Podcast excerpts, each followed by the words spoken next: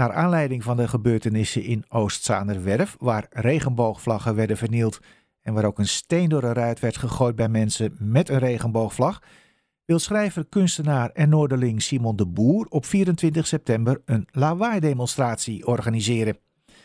Met deze demonstratie wil hij pleiten voor diversiteit en tolerantie en kwam inspreken bij de Stadsdeelcommissie om hiervoor steun en geld te vragen. Want de situatie op dit moment doet hem sterk denken aan die uit 1978.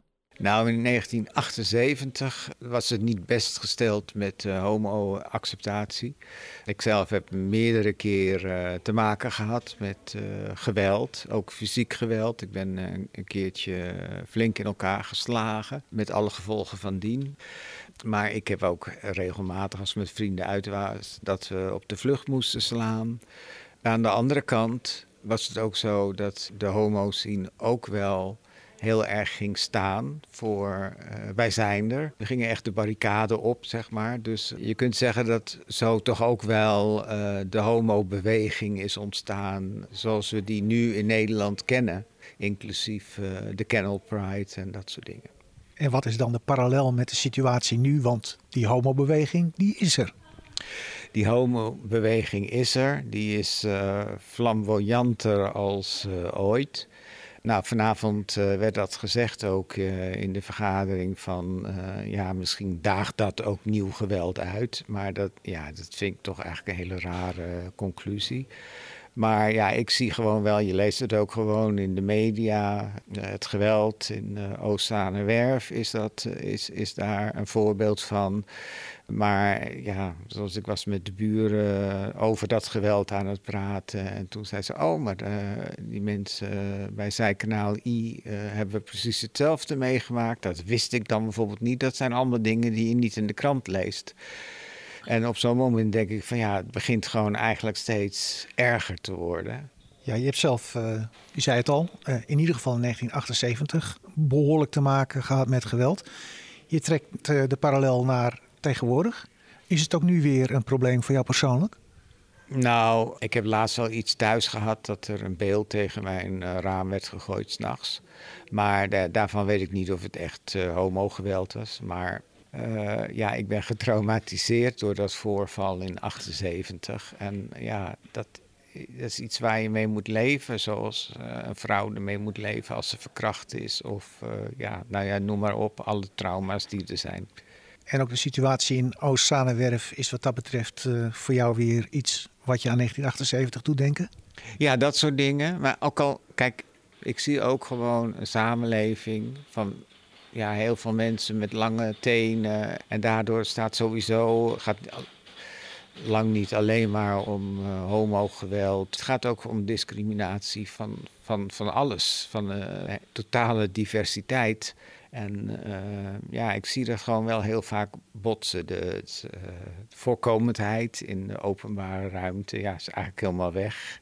Weet je, mensen rijden elkaar gewoon in de wielen omdat ze er door moeten. En, ja, dus eh, wat dat betreft is het sowieso een verruwing. En ik denk dat, dat het goed is om ook daar aandacht voor te vragen. Nou, het stadsdeel doet dat nu door de regenboogvlag in top te hangen. voelt u zich daardoor gesteund? Nou, ik zelf heb niet zo heel veel met de regenboogvlag, ook al ben ik homo. Waarom niet? Nou, omdat ja, ik wil gewoon eigenlijk individu zijn. Weet je, dus maar... geen kuddegedrag met regenboogvlaggen, als ik het eventjes cru samenvat. Ja, zo. Maar ik, weet je, ik voel ook niks als ik de Nederlandse vlag zie wapperen. Er hebben mensen die kunnen dan echt zo'n traantje pinken of zo. Maar daar heb ik ook niks mee. Dus blijkbaar heb ik, ik zou liever geen vlag willen. Maar goed, aan de andere kant is het een mooi gebaar van solidariteit. Want het is wel een feit. Regenboogvlag is een symbool. Uh, voor een uh, beweging die ja, toch eigenlijk nog steeds kwetsbaar blijkt. Dus wie ben ik om daar tegen te zijn? Maar tijdens uw inspraakbeurt was u niet onverdeeld positief. Het was ook een beetje symboolpolitiek uh, voor de bühne, betoogde u toen. Ja, wat bedoelde u daarmee? Nou ja, kijk, het, is een hele makkelijke daad. Van, oh ja, even die uh, regenboogvlag strijken. Die ligt al een jaar in tussen de mottenballen in de kast. Nou, nou, ga, nou is er wat gebeurd, dan gaan we hem ophangen. Weet je wel, terwijl ja, politiek moet zich bezighouden met lange termijn uh, dingen. En met gewoon dagdagelijksheid, zoals de Belgen zeggen. Want daar gaat het om. Dat is het klimaat waarin we leven. En dat is ook het klimaat waarin de haat gedijt. En daarom heeft dat al onze zorg nodig. En wat verwacht u dan wel of nog extra van de gemeente Amsterdam? Nou, ik had gehoopt dat we financiële steun zouden krijgen om deze demonstratie op te zetten. Want ja, weet je, veel heb je niet nodig. Maar ja, kijk, ik ben ook maar een arme schrijver, dus ik kan daar ook niks uh, in investeren. Ja, maar ja, zij willen dat niet, omdat ze dan bang zijn dat andere partijen die misschien uh, minder nobele plan hebben, dan ook uh, aanspraak maken op geld. Het is, het, ik snap het aan de ene kant, maar het is ook wel iets waar ik nog even over wil nadenken. Want uh, kijk, het lijkt mij dat in onze grondwet staat dat discriminatie niet mag.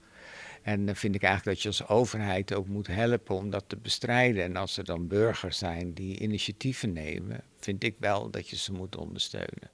Simon de Boer was dat, die behalve mooie woorden ook graag concrete hulp had gehad van het stadsdeel.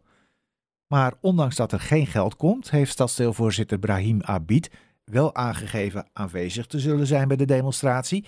En hebben stadsdeelbestuurder Esther Lagendijk en commissielid Dylan Meijer van de VVD aangegeven dat ze tijdens de demonstratie ook graag zouden willen spreken.